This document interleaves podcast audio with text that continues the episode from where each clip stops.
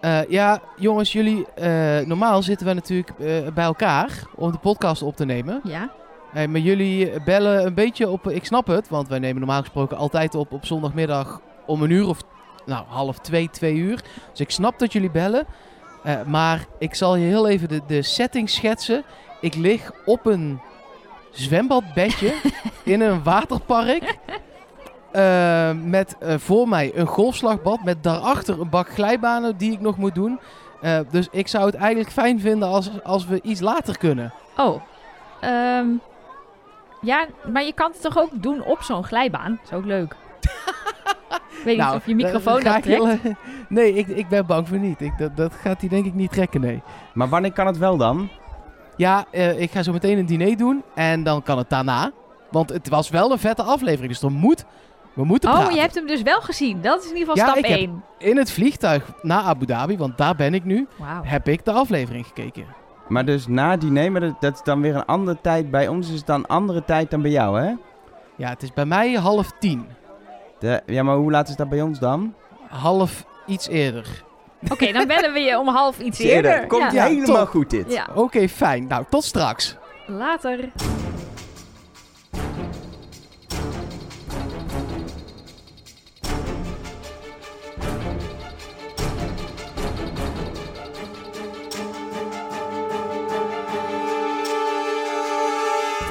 Hallo en welkom bij Trust Nobody, de podcast over Wie is de Mol met Nelleke Poorthuis. Met Mark Versteden. En met Elge van der Wel. Ja, dit is wel iets, iets mindere setting die wij nu bij jou zien eh, dan Ja. het waterpark van vanmiddag, uh, Mark Versteden. Klonk leuker. Ik, Ik, zie nu eh, gewoon een hotelkamer, geloof ik. Ja, ik zit helemaal in mijn eentje op een, op een hotelkamer in een hotel in Abu Dhabi. Ehm, met beneden, weet ik, is er nu een welkomstborrel van de groepsreis waar ik op ben. Eh, en ik zit hier met jullie om Wie is de Mol na te bespreken. Ook leuk. Eh, maar eh, een klein pilsje was er ook wel in gegaan. Zo eerlijk moet ik ook zijn. Ja, maar je, hebt, ik vind je deze... hebt nog een lange vakantie met pilsjes. Dat en is zo. zeker waar. Maar ik ja. vind deze toewijding prijzenswaardig, Mark. Ik ben heel blij dat je er toch bij bent. Ja, en eh, eh, fijn dat jij er ook bij bent als luisteraar. Want misschien heb je wel eens eerder geluisterd. Misschien ben je nu ingehaakt omdat je dacht... Hé, hey, waar is Annemieke Schollaert? Nou, wij hebben een, een misschien eh, in ieder geval even leuke vrouw aan boord. Maar ik denk eigenlijk nog stiekem wel wat leuker. Nelleke Poorthuis. En nou ja, Elger en ik, wij zijn er ook.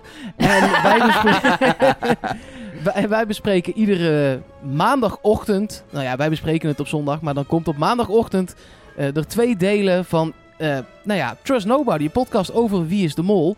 Ehm, moeten we nog heel even een soort basis voor nieuwe mensen? Dat doen we ik altijd. Vind, ik vind of eigenlijk zeg als je, jij... als, je, als je denkt van ik heb het nog nooit gehoord, wat is dit, ik snap het niet, help. Er is een aflevering 0, die staat zeg maar hieronder in je podcast app. Ehm, daarin hebben we ook alle kandidaten voor besproken. Daar vertellen we iets meer over wie we zijn. Ik denk dat het goed is om die te luisteren. Want ik gok eigenlijk dat we in deze podcast super veel moeten bespreken over de eerste aflevering van Wie is de Mol. Dat denk ik ook. Zal ik dan... Dan doe ik het in, in een halve minuut. Ja. Nou, vooruit. Ik ben benieuwd. Eh, ik ben Mark. Ik hou van radio. Ik hou van pretparken. Dat is ook de reden dat ik nu in Abu Dhabi ben met een groepsreis. En ik hou heel veel van eten. Eh, Elger, jij bent Elger. Ja. Ehm, jij hebt de, eh, het met Nelleke. Ehm, zowel een relatie als... eh, eh, nou, jullie hebben eh, ook een seksuele relatie. Want Nelleke's buik wordt met de minuut dikker. Daar zit een kindje in. Eén dus keer het is maar seks de gehad, vraag... hè? Eén keer, nooit meer. Ja, dus het is maar de vraag of ze het eind van de podcast haalt. Klopt. Twee Ehm, dagen voor de finale uitgerekend, jongens. Ja, ik kom uit Eindhoven, jullie komen uit Utrecht. En wij zijn alle drie onwijs fan van, eh, van Wie is de Mol. En maken daarom al heel veel seizoenen deze podcast. En dat gaan we ook nu weer gewoon doen. En de podcasts zijn vaak langer dan de afleveringen zelf. Maar dat moet je maar gewoon voor lief nemen. Want er is, zoals jij net al zei, Elge, gewoon heel veel te bespreken. Ja, ehm, dit seizoen eh, hebben ze zichzelf toch weer weten te vernieuwen qua hoe kunnen we een seizoen openen. Wij hebben het ook geprobeerd door Mark naar Abu Dhabi te sturen. Ook een ander soort Oh, nog, opening. Mag, mag ik nog één huishoudelijke mededeling doen? Zeker. Ik zit dus op de hotelkamer, maar als de huisgenoot straks terugkomt van de borrel, dan moet ik stoppen. Dus het is zeg maar de vraag hoe lang ik van onze podcast aanwezig ga zijn, deze eerste. Ik vind het wel Ik was er eigenlijk niet, dus dit is al een verrassing. Ja, maar ik vind het, het, het, voelt, het voelt bijna als een soort Wie is de Mol opdracht. Halen we het einde? Haalt Mark het? Waar komen we uit? Ja. Vanaf wanneer breken jouw vliezen. Ja, precies. Alles, alles is gewoon spannend. Moet het Eigenlijk allemaal is zo, zo granzig meteen? Dat is Ja, helemaal eigenlijk niet ranzig. Het hoort Nee, erbij, Ja. Elton. Ja. Tuurlijk niet. Maar Elger is de enige stabiele factor. Dat we dat ooit nog eens zouden zeggen in deze podcast. Ja, er komt een moment dat jij weer ergens aan de andere kant van de wereld zit. Ik eh, met een baby thuis zit en Elger deze podcast in zijn eentje doet. Ja, die kans zit er dik in. Laten wij ehm, ehm, gewoon de aflevering erbij pakken. Ehm, het is 16 september 2021 zien we als eerste in beeld. En dat is al raar, want de livestream was 28 augustus. Dus je ziet die datum en dan, als je echt een beetje meloop bent, denk je... Dat is ongeveer wanneer ze de, de, de laatste opnames doen, wanneer ze klaar zijn.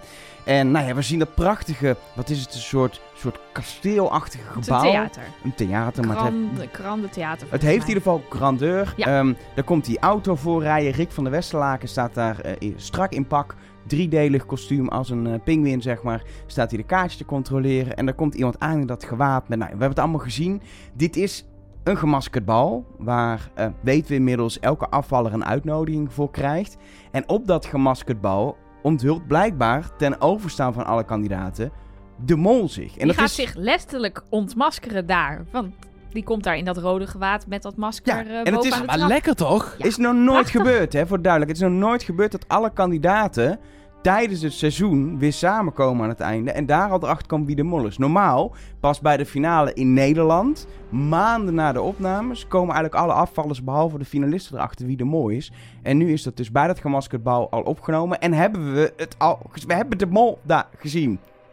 Ja, Wel in een rood gewaad. Ja, Ja. met een gouden Maar even, masker. even gewoon alvast schot voor de boeg. Ik bedoel, dat de, de makers luisteren deze podcast. Dat hebben ze van ons gejat. Dan mogen wij het ook weer terugjatten. Was de man of een vrouw? Die rooie. Het, Ja. het masker was duidelijk een vrouwengezicht voor een masker. Dus ik denk een man.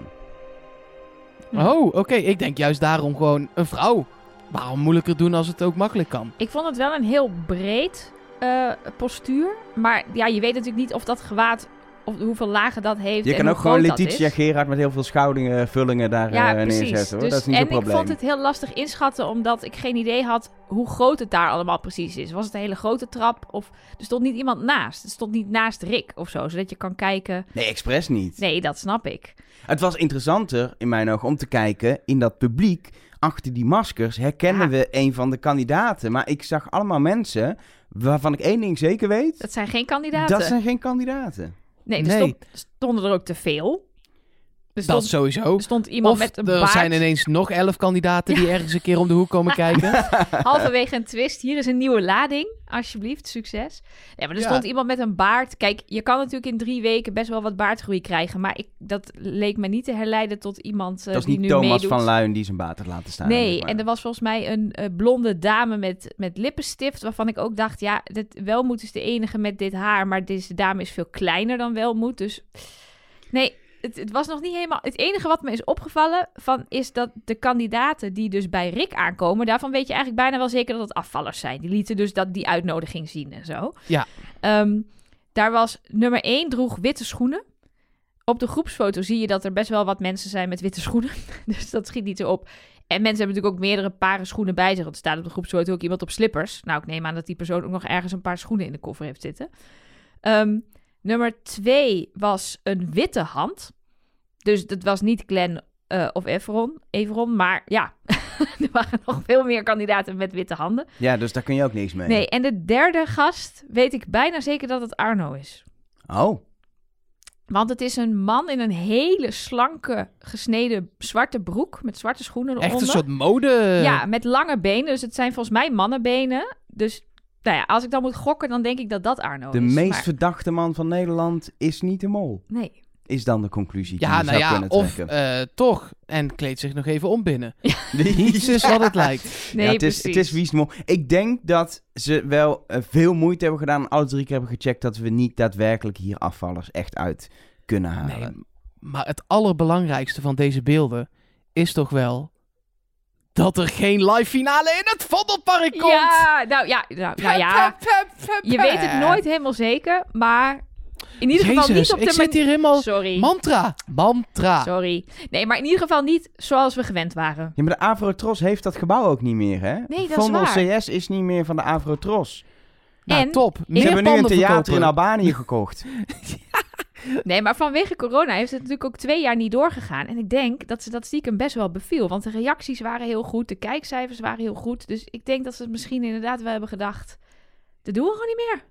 Het is klaar. Lekker toch? Ja, heerlijk. Ja, ik zit nu al te genieten dat dat gewoon niet een ding is. Ja. Eh, en misschien dus dat er daarom ook elf kandidaten zijn. We, ze, moeten, ze moeten nog een extra aflevering vullen, want de live finale is geen live finale. Dit heb je in, in een, een- een- een kwartier hele goede televisie, heb je dit wel achter de rug. Beetje zoals in het theater bij De Mol. Want daar, daar is dit hopelijk van afgekeken, want daar doen ze het, vind ik, altijd fantastisch. Dat is de Vlaamse variant. Als je dat nog niet kijkt, eh, Ga ga, dat dat ook doen. doen. Ga dat Maar, meteen doen. eh, Stop met luisteren, je- mag zelfs. Nee, maar Gewoon kijken. als je dat doet, zit het gewoon aan het eind van een aflevering. En dan wordt de, de, de laatste aflevering meer een soort hints-aflevering. Of snel even de onthulling en dan hints. Ja, Ja, we gaan, Ja. we gaan dat nog zien. Kijk, dat kan, dat kan nu alle kanten op. Alles ligt weer open eigenlijk. ja. Ook die elf kandidaten kan natuurlijk gewoon zijn dat het gewoon elke week één afvaller is. En dan kom je hetzelfde uit als altijd. Want normaal heb je altijd Ja, een aflevering zonder afvaller of met iemand die terugkomt. Ehm, het is gewoon even afwachten hoe dat seizoen wat dat betreft eruit ziet. Maar het feit dat, dat ook alle kandidaten weer terugkomen in Albanië, daar blijven in een soort afvallershotel, eh, ja, is wel echt interessant.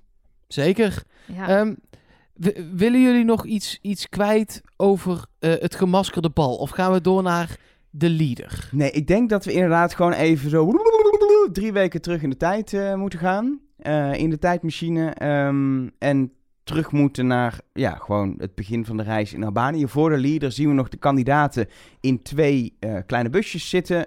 Ongeveer vijf, zes kandidaten per busje. En die krijgen daar de mollicitaties eh, te zien. Wat wel redelijk uniek is. En sommige kandidaten ook lichtelijk in shock waren dat dit eh, gebeurde. Dat eh, Glenn en Hila waren er geloof ik niet per se heel happy mee dat dit eh, voor iedereen eh, te zien was.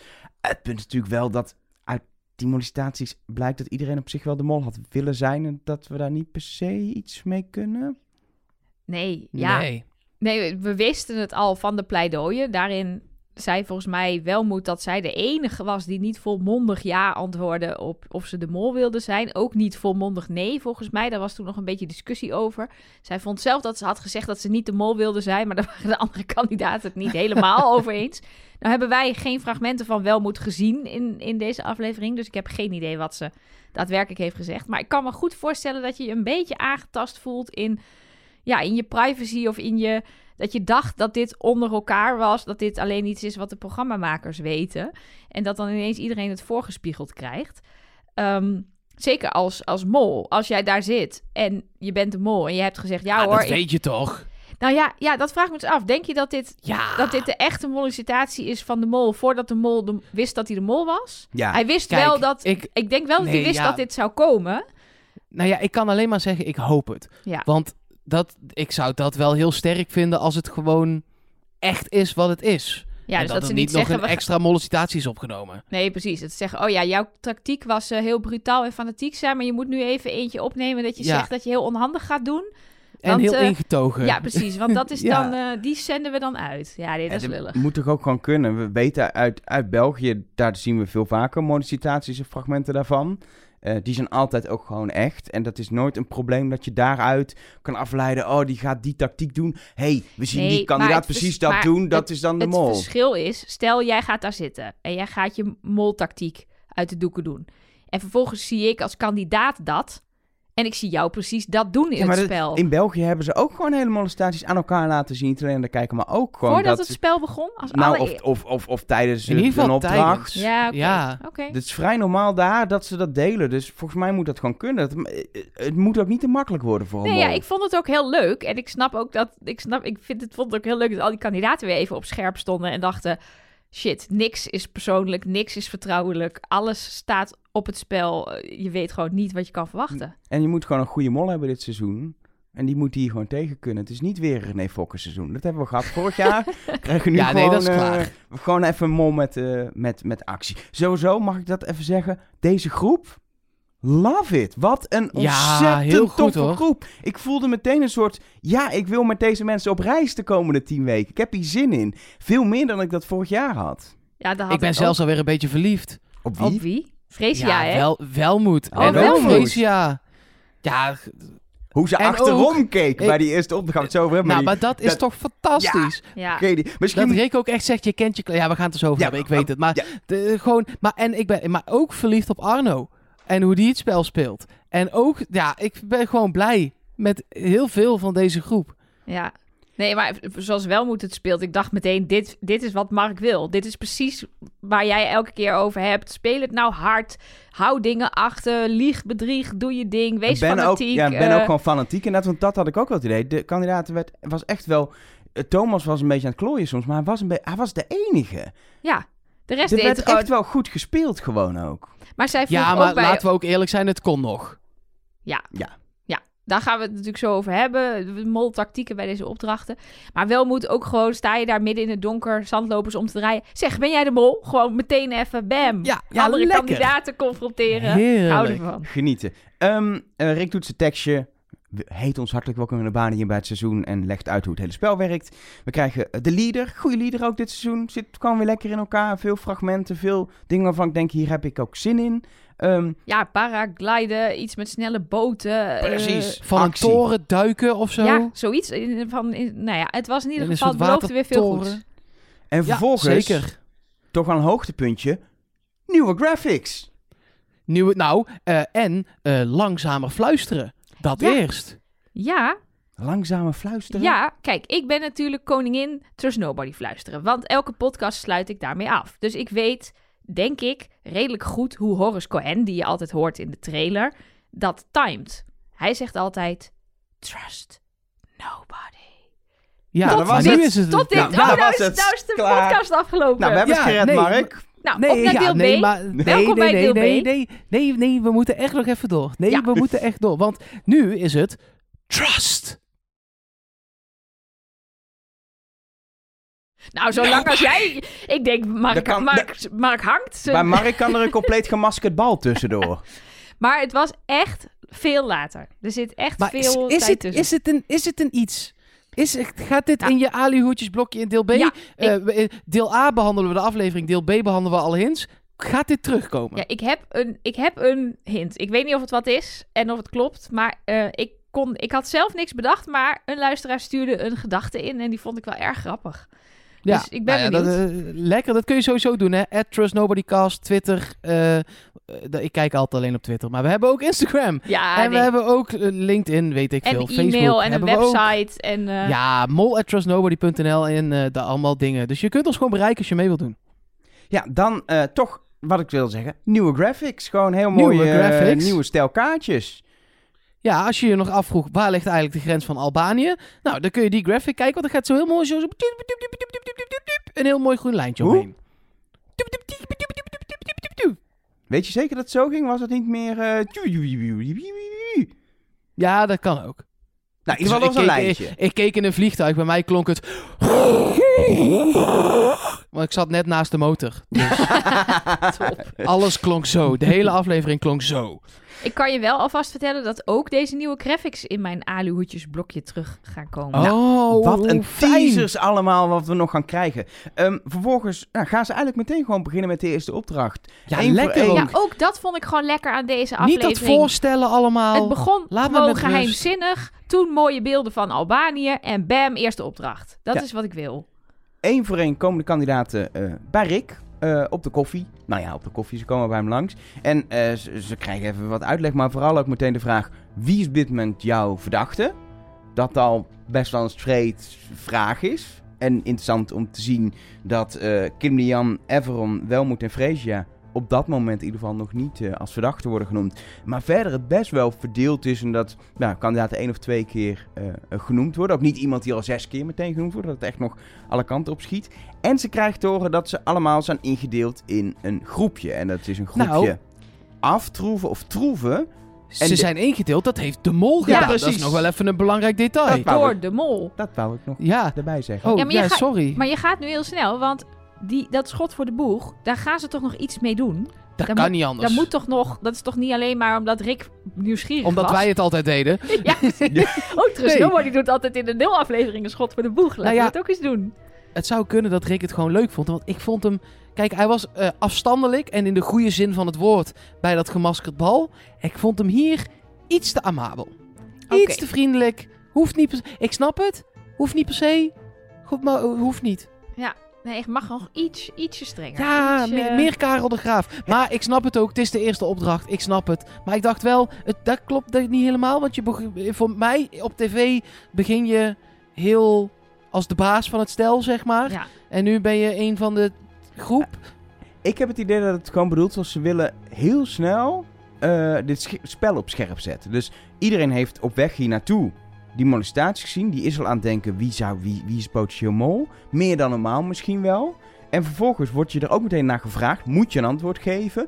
Vervolgens krijg je later in de aflevering die biechten... waarbij duidelijk wordt wie er heel veel wordt verdacht door Nederlandse kijkers en wie niet. Ze zijn, ze zijn die kandidaten heel erg in de eerste twee dagen echt op scherp aan het zetten. Dit is niet klooien. We spelen Wie is de Mol. En het is, het is, het is, het is moeilijk. En je moet gewoon gaan erachter komen wie de mol is. Geen gelul. We zijn begonnen. En ik denk dat Maar- dat gewoon het effect is wat ze hiermee wilden bereiken.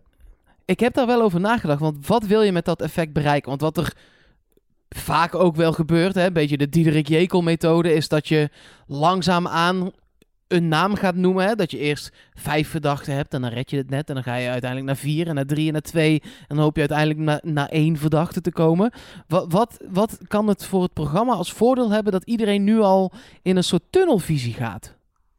Hmm. Nou ja, misschien inderdaad dat je die opdracht meer ingaat met het idee: ik moet ook een mol vinden of zo. Of dat, dat inderdaad alles op scherp staat. Dat je het fanatisme aanwakkert of zo. Niet per se de tunnelvisie, maar meer het idee van: oké, er wordt echt iets van me verwacht nu. En we zijn hier niet om een gezellige groep te worden en elkaar te leren kennen.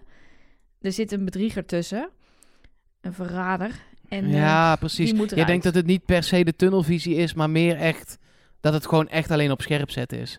Ja, dat ze misschien. ehm, want dat commentaar hebben wij ook wel eens gehad van ja, leuk, eh, dit is een soort BNR-vakantie, maar eh, en dan gaan Zeker. mensen mee. nee, ik was er blij mee. Ja, precies. En dan gaan mensen mee die, die in de eerste aflevering zeggen: Ja, ik heb het eigenlijk nog nooit gezien, maar toen ik mee mocht, ben ik wat afleveringen terug gaan kijken. Ja, daar worden wij altijd een beetje pissig van. Dan denken ja, we altijd: dan ons. Precies, er zijn zoveel mensen die zoveel passie hebben voor dit programma. En ehm, daar zitten er nu gelukkig ook weer een paar kandidaten bij. Zoals volgens mij bij Letitia en Welmoed het volgens mij allebei ook, ook letterlijk gezegd. Want dat is voor, dit wilde ik heel graag. Ik wil hier heel graag aan meedoen. En dat is een droom die uitkomt. Dus dat soort mensen heb ik er graag bij. Zeker. De kandidaten zijn in ieder geval, ehm, wat jullie al zeiden, ook ingedeeld in die groepen aftroeven en troeven eh, door de mol. Ook meteen dat de mol al meteen vanaf het eerste moment invloed heeft gehad op het spel. Ja, en dat ook vaker gaat hebben, want we zien het.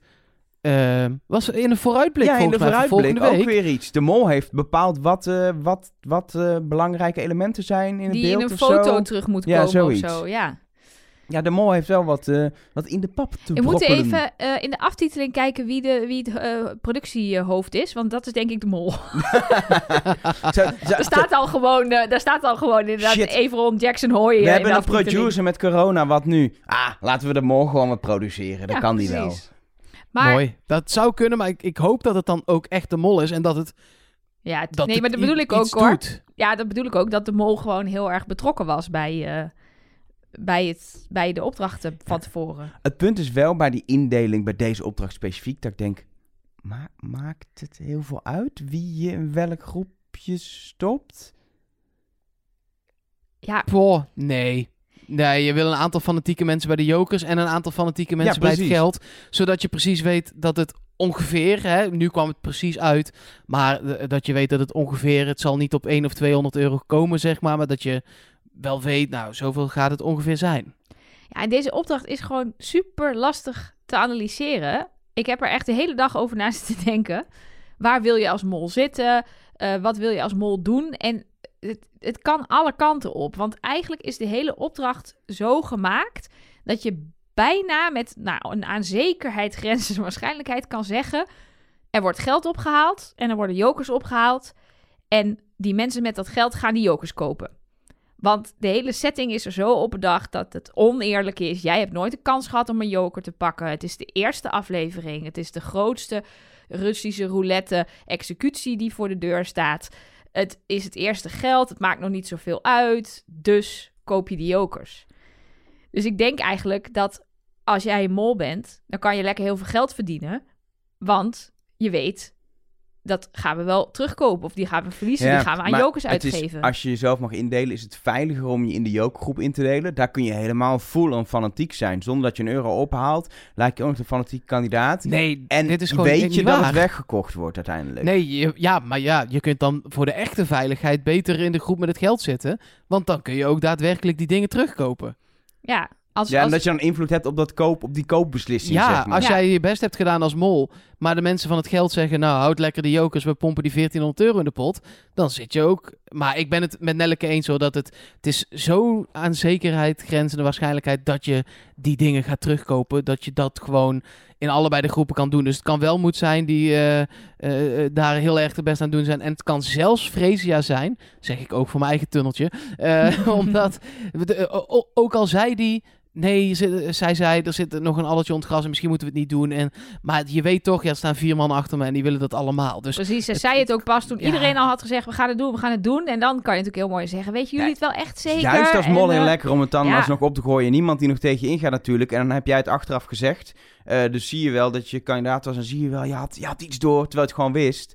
Lekker. Als Ja. Freesje de Mol is, is het een geniale tactiek. Absoluut. En, en eh, als je de mol bent en je zit toch bij de jokers, dan wil je zoveel mogelijk jokers hebben, want die kosten geld uiteindelijk. Dus ja, maar dan Ja. wil je er dus niet nog twee achterhouden. nee, dat vind ik inderdaad wel een dingetje. Want we hebben gezien dat uiteindelijk dat- Welmoed en Letitia totaal drie jokers uit een kistje hebben gewurmd. En die hebben bewaard. En niemand weet van de andere kandidaat ook dat ze die hadden. Nou, de- jawel, maar daar kom ik later op. Oh. Dat is Nee, ja, laat ik dit... zoveel waar we nee, later op terug laat gaan ik dit komen. gewoon meteen zeggen. In de pleidooien zeiden zowel eh, Suzanne als... Wacht even, ik heb het opgeschreven. Even in mijn eh, molboekje bladeren. Suzanne is niet de mol, dus Nee, precies. die Nee, maar was in, waarschijnlijk eerlijk. in, in de pleidooien... nee, die was dus waarschijnlijk eerlijk. Ja, oh ja, dat is een goed punt. Ja, ja, ja. De, maar Suzanne eh, zei in de pleidooien dat ze wist dat er een joker achtergehouden is. Ehm, en eh, Hila zei dat ook. Dus er waren voor de, zeg maar nadat de test gemaakt is, is het of opgebiecht of aan een paar mensen opgebiecht of heeft er iemand iets gezien. Want Maar Hila geval, en waren- Suzanne waren in ieder geval op de hoogte. Alleen zei Suzanne dat het er maar één was. Terwijl het er drie waren. Dus misschien heeft Suzanne dan weer van Letitia gehoord dat die één joker heeft ingezet. Zitten wel, er zijn wel logisch, mensen in de ja. aftroevengroep ook. Dus die bij hun de spelletje aan het spelen waren. Dus kan nog iemand iets gezien hebben. Dat is nog een, eh, een optie natuurlijk. Hè. Ze stonden gewoon, stonden gewoon kandidaten achter hun eh spelletjes spelen terwijl ze het kistje aan het openfrikken was. En het ging ook niet in één seconde, zeg maar. Dus het kan ook gewoon gezien zijn. Maar het is wel waar dat je... Dat, ik vind dat wel echt kandidatengedrag. Om die jokers achter te houden op het moment... Kijk, en nu konden ze niet meer geld eh, eh, uitgeven. Ze hadden zeven jokers. Konden ze 1400 euro voor Dan betalen. kun je Ze ze maar beter meer. achterhouden, toch? Ja, maar maak je die rekensom op dat moment... als je daar staat, door, zonder met nee elkaar joh, te die maak praten... je van tevoren al. Ja, daar is, is, ik zit Ja, wel maar- de hele tijd met, met het is, was nu precies 7 jokers, 1400 euro, 200 euro per joker. Maar er waren nog drie jokers extra, dus verdiend 10. Er is één opdracht eh, bij de troeven niet gelukt, de stokkensom. Dus dat is minstens één joker. Dus er waren 11, misschien 12 Ik denk, twa- jokers ik te denk winnen. 12, en daar heb ik ook een reden voor. Want ehm twaal, eh, zeg maar, de opdrachten met twee jokers, die leverden 250 euro op aan de andere kant. En de som leverde ook 250 euro op. Dus dan denk ik dat daar ook twee jokers tegenover stonden. Maar dat is natuurlijk, daar hoeft niet per Je se. weet maar het niet, maar dat lijkt me logisch. Maar er waren er 12 jokers, 1500 euro, die je dan kon afkopen voor 200 euro per stuk. Dan kon je 7,5 joker afkopen. Er is iets raars aan de hand. Maar ja, er stond in beeld max 1500 euro. Niet eh, eh, 2400 of 2000. Want je had minimaal eh, t- eh, 2000 euro nu nodig. Als ja, je ook dan waren er jokers overgebleven. Ja, dus is dat dan de bedoeling geweest dat er dan toch een paar jokers in het spel bleven? Of werd het bedrag per joker aangepast op het aantal jokers wat op dat moment bekend was? Oeh. Dat Rick daar gewoon even snel, zelf snel het sommetje maakt en Ja. denkt, oh, Dat ze allemaal Nou, ja. gekocht kunnen worden. 14 gedeeld door 7, dat kan Rick. Ja, ja, dat moet precies, lukken. dat is hem gelukt. Dat is al snel 2. Jij zegt 1500 euro. Ja. Dat is ook zo raar, hè? Waar is die 100 euro gebleven, mensen? Mark, waar is die 100 euro? Nou, dat is grappig dat je het zegt. Ik lag vanmiddag op mijn zwembadbedje. en wat, wat komt daar aanwaaien? 100 eh mol-euro's. Met zo'n mooi Met- masker eh, met- erop. Ja, en eh, met eh, eh, de hint erop waar, Oh. eh, waar Rick het over had. Dus ik weet eigenlijk in principe al wie de mol is. Nou, zeg Wat het was eens. de hint? Ja, daar kan ik helaas geen eh, uitspraak over doen. Eh, flauw, flauw, flauw. Nee, maar het is wel gek. Ja. Eh, De, alles is goed gedaan, alles is opgelost. En er is 100 euro niet uiteindelijk ingeleverd. Niet uit het kistje Hmm. gepakt, weggemoffeld. Het punt is, als mol, geld wegmoffelen hier heeft niet zoveel zin, want je weet dat je het toch uiteindelijk gaat Ja. uitgeven. Dus En- dat is weer heel gek. En het is ook 100 euro. Dat ik denk, ja, we hebben het wel eens vaker over elke euro telt. We hebben ooit Jeroen Kijkende Vechten een, een, een, een award gegeven... omdat hij 7,50 euro uit de pot heeft gejat als mol. En dat was de, de, de, de award voor de kleinste molactie ooit. Dus dat waarderen we. Maar dan nog denk ik inderdaad het gevaar wat je daar... Iedereen kan deze rekensom, denk ik. Ja, ik weet niet, die kandidaten hebben natuurlijk niet die infographic in beeld... waar staat dat ze maximaal 1500 euro kunnen verdienen. Maar ja, het is een het, ik, ik begrijp het ook niet helemaal. En eh, we hebben niet bij elke opdracht gezien hoeveel geld het verdienen was per opdracht. Wel dat het verschilde. Eerst was het 2,50 en toen was het een keertje 300. Er zaten ook andere kleuren biljetten in. Wat me opviel is dat Freesia als een gek dat geld weggraaide. En niemand mocht er naar kijken. Het, het ging meteen haar zak in. En zij was ook degene die uiteindelijk het hele stapeltje aan Rick overhandigde.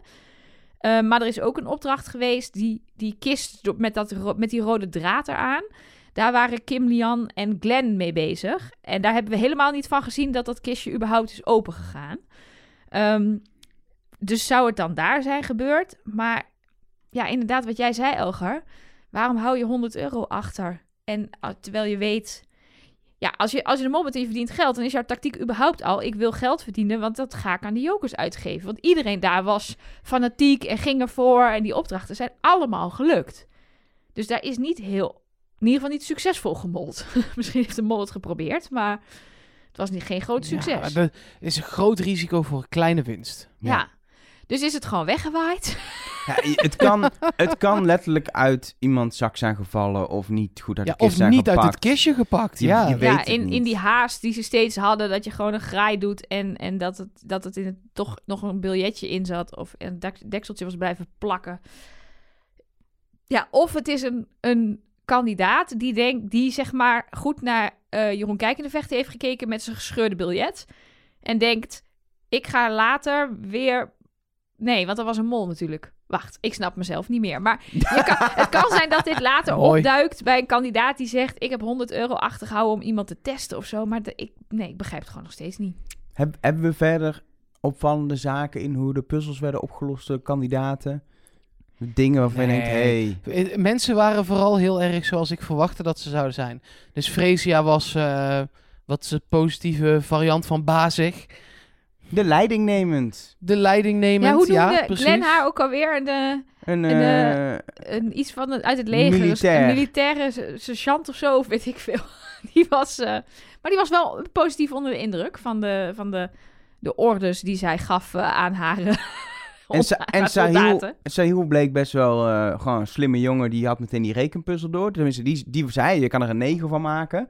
Waardoor je Ja. 9 min 0 is 9. eh, Ja, kreeg. maar daar, daar nam hij de credits voor in het pleidooi wat hij uiteindelijk hield. Maar hij zei alleen maar, je kan hier een 9 van maken. En Everon zag toen, oh ja, maar dan is het dus 9 min 0 is 9. Dus Ja. het was een samenwerking. Het was inderdaad samenwerking. Hij liep ook weg vervolgens. Ja, Waarbij Everon zag, hallo, we moeten nog even geld uit de kistje halen. en Sayul alleen maar, wat fuck ben je aan het doen, man? Nou, eh, het geld pakken? Ik moet nu naar de gleuf van Kim Lian. Nou, nou, nou, nou, nou. Dat was toch zo? Daar kwam hij uiteindelijk wel terecht. Ja, Ja, precies. Daar, daar kun je naar mij kijken, maar dat was gewoon de situatie. Ehm, afrekening van deze Nou opdracht, ja, ik wil zal nog ik die even, doen? De, de werd een klein beetje in beeld gebracht dat er nog twee mensen aan het mollen, ik doe hier aanhalingstekens bij, waren. Wat ook veel door mensen aan ons is opgestuurd. Natuurlijk, Thomas verneukt de enige opdracht die niet gelukt is. De som. Door allemaal eh, gele latjes te gaan verleggen, wat niet de bedoeling was. Ja, En eh, Arno was ontzettend aan het kloten bij dat magneetding. Ja. Waardoor uiteindelijk eh, ehm, Hila zei, nou dan doe ik het wel. ja, maar ja, uiteindelijk is toch gewoon al het geld opgehaald. Dus, nou wat ik zei, in ieder geval geen succesvolle acties. Nee. En ik geloof ergens Thomas wel dat hij in die, in die chaos denkt. Huh, hoezo? Regels? Nee, eh, latjes verleggen. gas erop. Ja, dat snap ik ook. Eh, wat zou er op die biljet hebben gestaan? Ja, ik denk iets met maskers. Dat En- denk ik ook. En daar dan misschien ogen achter Letters of iets. of, Of, ogen, of een- initialen bij de rode.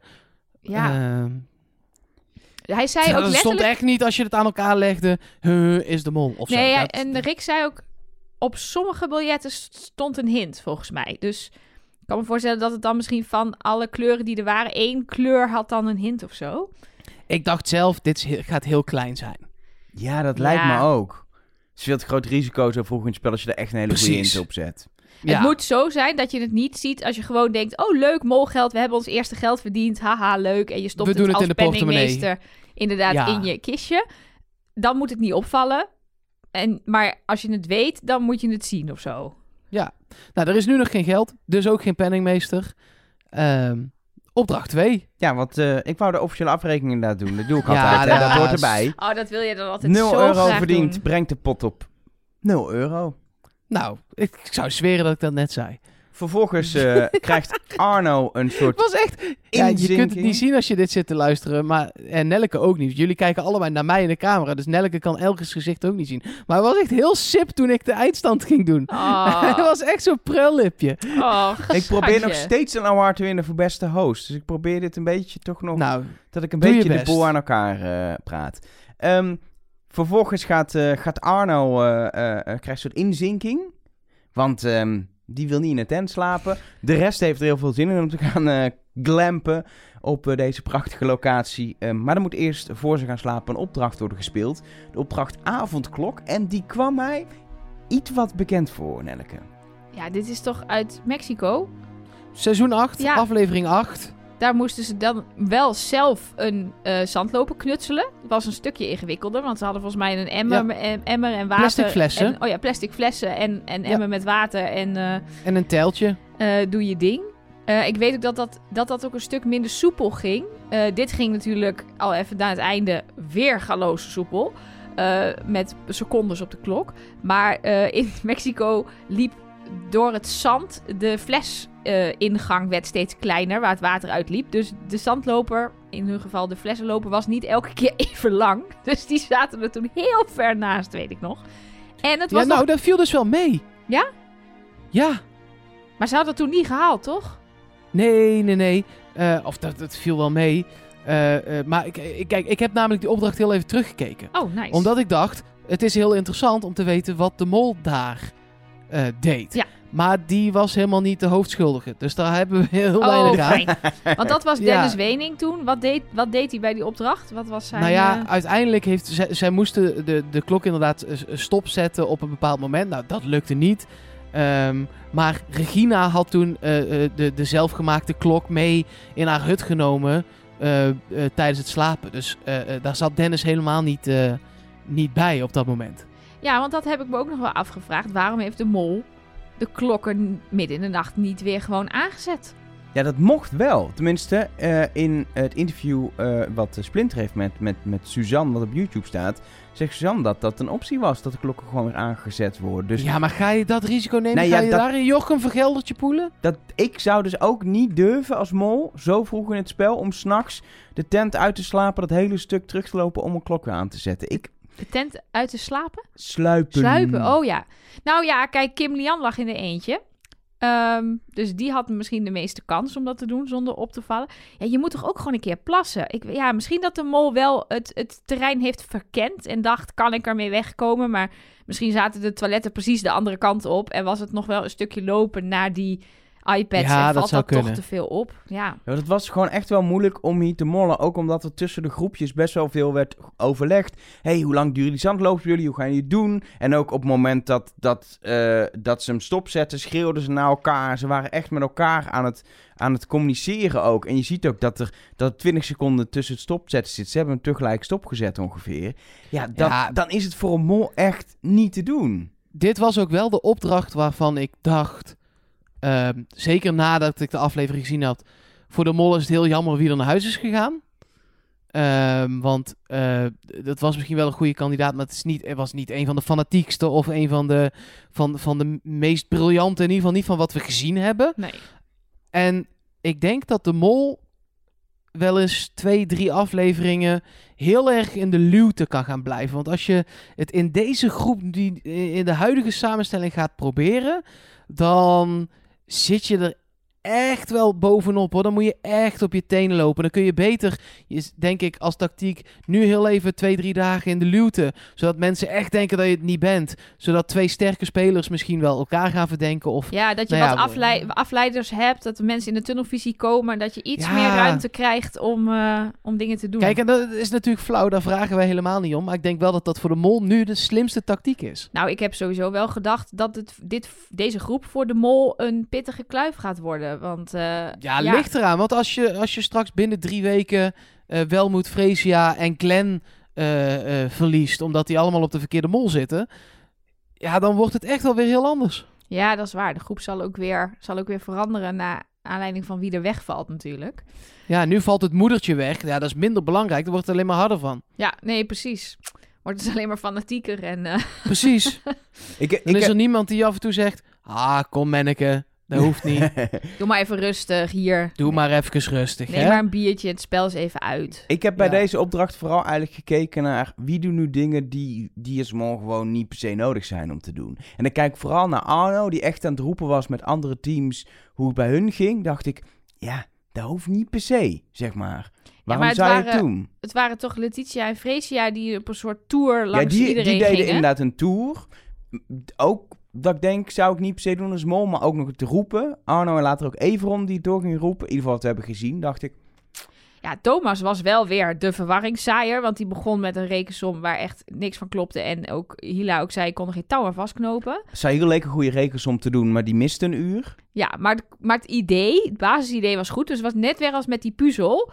Hij, hij initieert wel een goed basisidee, wat niet heel erg molachtig Ja. is. En dan, Nee, precies. Dat wil je niet doen als mol. nee, en dan werd het, deze keer werd het door Welmoed en Letitia gecorrigeerd. Wat je ook niet wil doen als mol. Want dan denk je, hé, hey, wacht even wat, eh, wat hij zegt. Dat klopt niet. Je hoeft twintig keer, daar redden we het niet. Oké, top idee, twintig keer gaan we doen. Maar ja, Letitia zegt letterlijk, nee, het zijn er veertig. En Welmoed zegt, ja, volgens mij komen we niet uit. We moeten twee uur, hè? Nou, en dan hebben ze het uiteindelijk goed.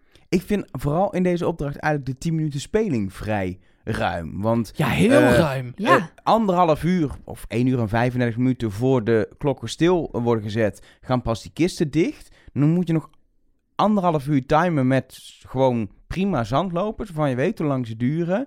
Ja, dan Ja, kun je had- talent nog wel Had, doen. had er totaal twee minuten van gemaakt. Hadden ze nog steeds gehaald, maar dan was het iets spannender geweest. Want dit was echt kat Dit in het was bakkie. wel echt heel erg goed er te moest doen. geld in de pot. Dat, dat is de conclusie. Ah, dan is misschien de volgende opdracht iets waarbij er weer geld uit de pot moet. Dat zou kunnen. Dat zou kunnen, ja. Ja, eh, Eh, Elger, doe even de afrekening. ja wat Daar word je blij van. er is 1500 euro verdiend. Dat Nou. brengt de pot op dit moment op 1500 euro. Wauw, mooi. En mooi. waar, waar ging die 1500 euro dan naartoe? naar de penningmeester. En Welmoed dacht dat ze dat wel even kon worden door gewoon op te staan en naar Rick te lopen. Maar dat werkt dus Mooi niet. toch? Ja, Ze is omgedraaid, ze heeft achter de rug gekeken, ze heeft jokers gehad, ze heeft het penningmeesterschap proberen te... Ja, ik hou er toch van. Ja, ik vond het ook... Ik wil penningmeester zijn. Had ze flats. 1500 Zo. euro. Ik heb het. Rats. En vervolgens willen de vier kandidaten penningmeester worden. Hila, Welmoed, Fresia en, en Thomas. Maar ehm, eigenlijk vrij snel zegt Welmoed, ah, ik vertrouw het Hila wel toe. Ja, als En- ik naar de andere kijk, Precies. dan moet Hila het worden. Vond ik ook wel mooi. En Thomas zegt, er gaat toch niemand op mij stemmen. ehm, en Nou, dan blijven er nog twee over. Thomas zegt iets, en dit zat in Moltalk, dus dit is waarschijnlijk niks. Maar Thomas zegt letterlijk, ik trek mij terug als kandidaat. En daar hebben wel een aantal mensen van gedacht, hey, dat is Ah. natuurlijk leuk om als mol te zeggen. Over Moltalk, wat ik echt zeker niet heb zitten kijken op mijn vakantie. Maar ik zag een plaatje voorbij komen dat onze grote vriend Ron Boshart daar stond. Ik was het bijna gaan kijken, omdat ik inderdaad in de voor... dingetje wat meteen na de aflevering op, op, op eh, NPO 1 is... Ron in beeld zag. Eh, volgens mij was Rob ziek. Dus volgens mij is het niet een standaard dingetje. Oh, was het leuker? Ehm, ik heb een aantal van onze luisteraars gevraagd voor mij te scouten. Ze zeiden dat Ron een stuk beter was dan Rob... en dat het hele programma nog steeds tenenkrommend was. Dus Nou, fijn. Dan ben ik blij dat ik daar geen drie kwartier voor vrij heb gemaakt op mijn zwembadbedje. Eh, eh, prima samenvatting in ieder geval van, van Moltalk, denk ik. Moeten we het nog... eh, tuurlijk moeten we het hebben over de livestream. Maar we hebben daar in principe natuurlijk al letterlijk een hele podcast aan gewijd. Ja, Die je ook in deze feed, dus dat kunnen we wel gaan herhalen. Maar mijn mening is niet veranderd in deze. dat is eh, onze zaak. aflevering min 1, want we maken altijd een nul aflevering. Dat is dan de voorbeschouwing. Maar nu was er ineens in augustus een livestream. Dus toen hebben we min 1 gemaakt. Dus eh, Ja, het, het, het- er is bijgekomen dat we nu weten wie het meest en het minst verdacht werden. Maar verder is, hebben we daar ongeveer alweer een uur analyse over, over losgelaten. Ja, dan, dan wil ik voorstellen om in plaats van dat nu super uitgebreid doen, het heel even te hebben over vakantie. over vakantie. We hebben namelijk een sponsor. Oh mijn god, Elge, wat heb je dit te lekker subtiel ingefietst. Subtiel, hè? We hebben, een, we, hebben, nee, maar we hebben echt een leuke sponsor. Ik weet niet of je het weet, Mark, want jij bent op vakantie. Maar we hebben- ja, ik, weet- ja, dat wist ik nog We wel. hebben Surprise Me als sponsor. Dat schrijf je anders dan je het zegt, namelijk S-P-R-S. Je haalt zeg maar alle eh, klinkers eruit. Precies, punt me. Maar dan Ehm, behalve de E aan het einde. En wat met, wat met Surprise Me is, je, gaat, je boekt een vakantie zonder dat je vooraf weet waar je heen gaat. Dus in plaats van dat je boekt, ik ga op een groepsreis naar eh, Abu Dhabi en Dubai een pretpark te doen, ga En je dit is het gewoon... programma en van A tot Z weet ik precies, Precies. waar ik ben Je gaat gewoon een weekend ergens heen en dat kan met eigen vervoer, een soort roadtrip, of dat je ergens heen vliegt. Eh, en dan regelt het hotel voor je, et cetera. Het is gewoon geregeld. Maar het is een verrassing waar je heen gaat. En eh, wij hebben het ook een keer gedaan een paar jaar geleden, Nelleke. Ja, heb jij mij dat toen cadeau gegeven? Ja, toch? Volgens mij was het een kerstcadeautje of zo. Of een verjaardagscadeautje van jou voor mij of andersom. Ik weet het niet meer. Maar we, we zijn in ieder geval met z'n tweeën op eh, Surprise Me trip geweest. Toen hebben we inderdaad. gekozen En waar voor... ging je heen dan? Ja, we hebben gekozen voor Ja, dat- Surprise Me Oost-Europa. Dus dan weet je dat je richting die kant van Europa gaat. Ja, en we konden toen ook aangeven, zoals sommige luisteraars al weten, komen wij heel vaak in Berlijn. Eh, dat hoorde volgens mij officieel ook nog bij hun Oostelijk Europa eh, pakket. Dat we ook gezegd hebben, Berlijn willen we niet. Want daar zijn we inmiddels Oh, zo je bekend. kunt best wel gewoon wat, wat dingen aanvinken en afvinken. Ja, je kan aangeven, eh, je kan uitzonderingen aangeven. Je kan volgens mij ook zelfs een bucketlist aangeven. Ja. Dat je dus een aantal opties Dan krijg hebt. je juist dan- iets van je bucketlist, maar je weet niet wat van je bucketlist. Dus dan geef je je tien steden in Europa waar je zeker nog heen wil. En dan... Oh ja. Wordt er ja, nice. daar? Volgens mij hebben wij toen ook Praag uitgesloten. Omdat Ja. jij daar toen net was geweest en ik ook. En er toen niet zo tevreden over was. Ik ben er trouwens afgelopen jaar ook geweest met onze Trust Nobody reis. En toen vond ik het ineens een stuk leuker in Praag. Maar dat had misschien ook met het gezelschap te maken. En toen, ehm, ja, toen zijn we naar... Zeg het maar, Elger. Warschau geweest. Ja. En dat is een stad waarvan je misschien eens niet denkt, daar ga ik heen. Maar dat was super vet. Het Ja. is een, een flat met heel veel lelijke Oostblok eh, eh, eh, rotzooi, zeg maar, qua flats en zo. Je denkt, het is een lelijke stad, maar het was hip. Het was een soort het nieuwe Berlijn. ehm, met een herbouwd centrum. Het centrum is ooit helaas ten onder gegaan, maar ze hebben het gewoon... alsof het oud is, een soort kitsch museumstijl Ja, dat was herbouwd. heel mooi inderdaad. Alsof je in het Openluchtmuseum in Arnhem loopt. Maar dat Ja, was wel nice. echt... Ja, daar was ik echt nooit... ehm, ik was al een keer in Warschau geweest op een schoolreisje. Ehm, maar ik was daar niet zelf als volwassene op een stedentrip naartoe gegaan, denk ik.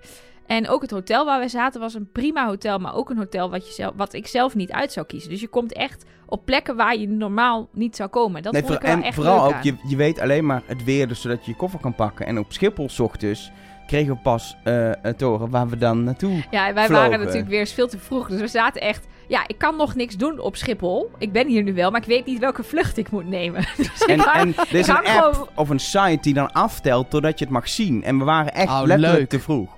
Ja, het, is het is fantastisch. Ehm, surprise me, het is onze sponsor. Als je houdt van avontuur, en ik gok als je Wie Small kijkt dat je houdt van reizen en avontuur. eh, je kan met 50 euro korting eh, op Korting, reis. Korting, korting, Precies. korting. Alle, alle voorwaarden, want het is tot in Eh. mei en je moet wel minimaal geloof ik 200 of 300 euro boeken. Die vind je allemaal op, op de website. En dat is surprise.me. Dat is dus niet surprise helemaal uitgeschreven, maar sprs.me. Slash korting, slash trust nobody. Oh, ingewikkeld.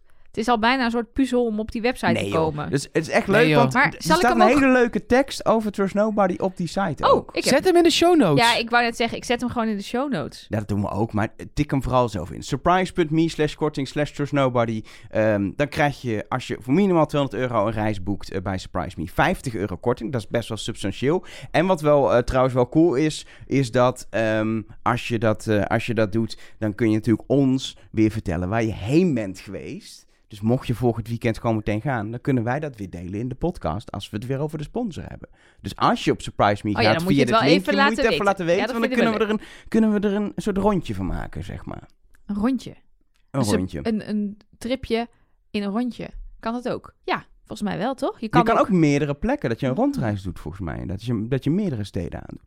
We hebben volgens mij lang genoeg over de Ja. sponsor gehad. Ehm, laten we het toch nog even hebben over eh, de livestream.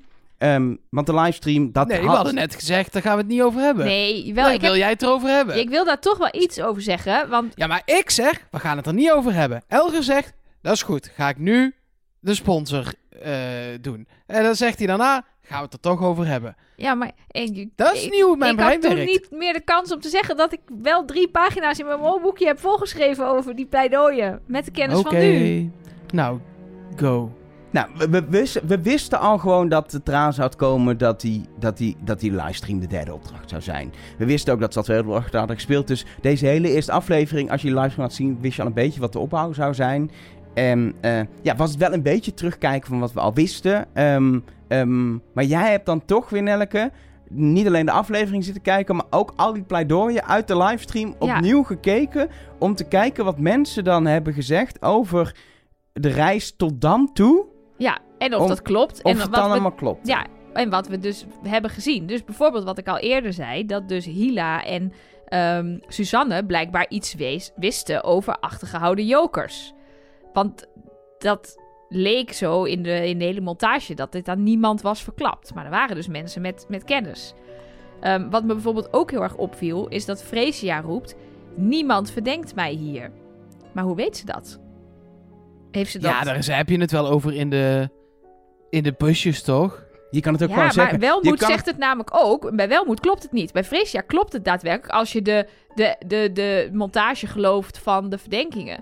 Bij Welmoed maar wat denk wel jij, even eerlijk, wat denk jij dat beter werkt? Als ik tegen jou zeg, eh, ja Nelke, niemand verdenkt mij hier, dus eh, ja, Jo, dat hoef jij ook niet te doen. Of, ja, iedereen hier verdenkt mij al, dus eh, ja, dat hoeven jullie thuis dan niet meer te doen, want dat doet hier iedereen al. Ja, maar even, je kan, toch Maar gewoon, het- je kan het toch gewoon zeggen in die livestream, Ja. in die biecht en gewoon Precies. keihard liegen. Ja, Om gewoon op die manier de kijker te overtuigen. kijk, maar de mindfuck die wij nog niet wisten toen wij die pleidooien voor de eerste keer zagen, was dat de kandidaten pas na de voorbereiding te horen kregen dat het niet pleidooien voor elkaar waren, maar pleidooien voor Nederland. En dat vind ik wel een interessant gegeven, want er zijn meerdere mensen die inderdaad dingen hebben gezegd van ik denk, ja, dit zeg je als je je medekandidaten moet overtuigen en niet als Ja. je Nederland moet overtuigen. Eens. En dat is voor mij een van de redenen dat ze dat toen pas hoorden dat Arno het meest verdacht is. Want die kon niet meer nadenken. Zijn naam begint namelijk, pech voor hem deze keer, Ja, met een A. Precies, Dus hij was moest eerst. bam, go. En inderdaad, ja, het is wel, voor het publiek. Groetjes. En Welmoed- die heeft nog eh, eh, eh, 12 minuten, 13 minuten gehad. Ja, op zijn minst, want die, ze waren ook niet allemaal één minuut. Sommigen Nee, waren tweeënhalf. Precies. Nee, maar eh, die, die hebben gewoon... Ja, ze heeft inderdaad een kwartier, 20 minuten nog gehad om in haar hoofd niet te luisteren naar wat de rest zei, maar gewoon te herschrijven. Maar bijvoorbeeld Hila ook, die, die vind ik, he- die had een hele ding over. Ik heb mensen aan een joker geholpen in mijn groep. Ik heb de, er was een molactie bij de klok en die heb ik, daar heb ik een stokje voor gestoken. Dat vond ik heel erg een, een, een pleidooi gericht op de kandidaten. Zo van, ik was, jij was bij die opdracht, jij stond naast mij, jij hebt gezien dat ik dat heb gedaan. Wat natuurlijk bij ons kijkers thuis sloeg dat allemaal nergens op. Want we, we hadden die hele opdrachten nog niet gezien. Het was wel leuk om te horen, want het gaf je kleine beetjes informatie over wat voor soort opdrachten er kwamen. Maar dan denk ik dus eerder, nou dan is, was Hila dus niet de mol, want de mol weet wel dat die livestream komt. Maar volgens jou dus, Hila heeft het op kandidaten gedaan. Wie, wie nog meer? Ehm, even kijken, Glenn vond ik ook heel erg over. Ik was sfeer aan het maken en als je nog niet met mij hebt samengewerkt, dan verdenk je me misschien. Maar als je met me hebt samengewerkt, dan weet je dat ik te vertrouwen ben. Ik vond dat toen als kijker een heel warrig pleidooi. Hij blijkt dus de minst verdachte te zijn. Ik vind dat heel raar, want ik vond dat... Nou, misschien juist als je warrig bent, dan denk je... Oh, dat kan de mol niet zijn, want hij was onvoorbereid en hij weet niet wat Nou, hij doet. Suzanne bleek nummer drie verdacht te zijn, terwijl dat ook een heel warrig pleidooi was met de make-up. Dat is waar. Dus dat, dat zegt niet zoveel. Nee, ja, maar ja, die ligt eruit. Ja, dus ja, eh, die was al warrig van zichzelf. Ik, heb, ik had dus op haar gestemd, want ik vond haar ook al toen al een beetje zo vaag en warrig inderdaad. En dat ik dacht, ja, ik weet het niet. Ehm, ik heb geen idee of dat heeft geholpen. Ze was ook gewoon het slechtste de test. Maar eh, ja, die, die ligt eruit. Hebben we ook gezien meteen daarna. Dus Ja, Ja. en wat bij, bij mij dan wel weer opvalt bij Welmoed, is dat die daar zegt, ik, het hele verhaal over ik kan de mol niet zijn, maar die zegt letterlijk, ik hou niet van liegen, ik hou niet van bedriegen. Nou, Welmoed. Ja, Je hebt jokers achtergehouden, je speelt dit spel keihard. Die, maar die staat daar dus, die durft dus voor die kandidaten te liegen. Want die kandidaten, dat zegt volgens mij Sahil op dat moment ook in de biecht van... Oké, ik zie hier wel iets eh, met een maskertje en twee gezichten. Ja, hij maakt er inderdaad... Je, Mark maakt dezelfde beweging eh, op eh, de Zoom-meeting als Sa- Sahil deed. Dus dat vind ik dan ook wel weer lef hebben. Dat zou ik als mol denk ik ook niet durven... om daar dan keihard iemand anders te spelen voor de mensen thuis. Want dan nee. laat je dus wel zien dat je dus wel kan liegen en bedriegen. Ja. Maar goed, dat is mij opgevallen met de kennis van nu. Nee, kijk, uiteindelijk was dit ook gewoon een opdracht voor geld. De afrekening komt pas aan het einde, maar je weet dat de mol het, eh, het meest verdacht is op het moment, eh, of op het moment dat de mol het meest verdacht is, er uiteindelijk 5000 euro in de pot gaat. Dus als mol wil je absoluut niet het meest verdacht zijn. En dat lukt je ook wel met, een, met zo'n bieg. Dus ik Ja, schrijf bijna. elf.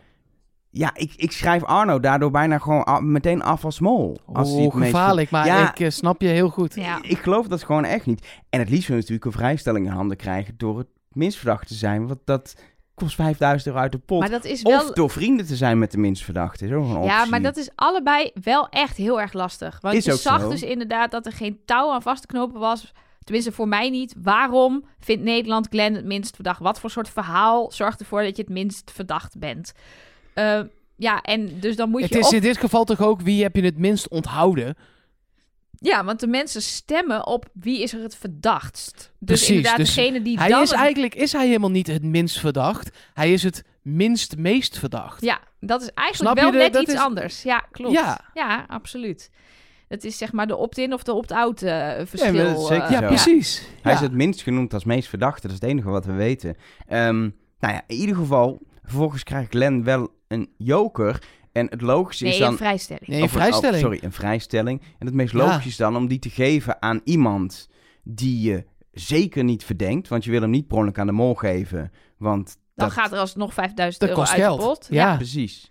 Ja, is dat... Is dat eh, Ja. Als de mol één Ja. van de twee Precies. vrijstellingen bemachtigt, Wel, zei Rick, dan gaat er 5000 euro uit de pot. Dus het maakt niet uit of hij hem direct krijgt of krijgt van Ja, medekandidaat. hij geeft hem volgens aan Everon. Maar later in het interview dat Splint met Suzanne heeft, hoor je Suzanne vertellen dat het was omdat Everon het zwaar had en, en, en hij Everon dat zou hebben gegund. Terwijl in de aflevering lijkt het alsof hij het echt heeft gedaan omdat Everon... Omdat hij niet Everon niet verdacht verdenkt. Ja, Dus en zij heeft als het goed is niet meer met de kandidaten gesproken. Nee, nou ja, ja, ja, bij de finale weer, maar ja, maar niet Ja. meer daar nog uitgebreid, denk ik, over kunnen eh nee, dat denk ik elkaar. ook niet. Ehm, ja, het, kijk, het, het- ja, ik leek in die aflevering heel erg alsof hij inderdaad Everon niet verdenkt en denkt, ik doe dat. Ik snapte het verhaal van Suzanne ook niet helemaal waar Everon het nou precies zo moeilijk mee had. Met het spel of de mindfuck of het feit dat hij bang was dat hij naar huis moest. Ik weet het niet, maar blijkbaar gunde ze het hem en dacht Glenn dat het een veilige move was. In ieder geval, één ding is zeker, Glenn en Everon hoefden niet naar huis. De kandidaten hadden al eerder de test gemaakt. Ik heb natuurlijk in mijn molboekje erbij opgeschreven wie wie verdenkt. En mijn conclusie is, daar kun je nog niet zoveel mee. Behalve dat Thomas al een aantal keren eh, wordt genoemd. En eigenlijk alle andere kandidaten Jij ook zegt wel. altijd dat je er niks uit kan halen en gaat dan vertellen wat er allemaal gezegd werd. Oké, ik nee, zeg maakt niks. niet uit. Ik zeg niks. Nee, ik zeg niks. Nou, het viel Ik me heb, wel eh, op eh, dat er veel mensen daadwerkelijk namen noemden. Heel vaak in de eerste Ja, aflevering maar- zie je het maar van de helft. En nu zag je Nog maar niet van... in de, de echte directe context. Nee, ja, Er zei niemand, ik verdenk die als mol. nee, ja, of ze zeiden wel, ik verdenk die. Maar dan was waarschijnlijk de volgende zin. Ja, En ik verdenk en ook die, die. en die, en die, en die. Precies. En die, ja, precies. We, we zien wel dat Suzanne Hila verdenkt, of zo lijkt het in ieder geval in wat ze zegt dat Hila haar verdachte was. En dan zou ze dus op Hila uitgevlogen zijn.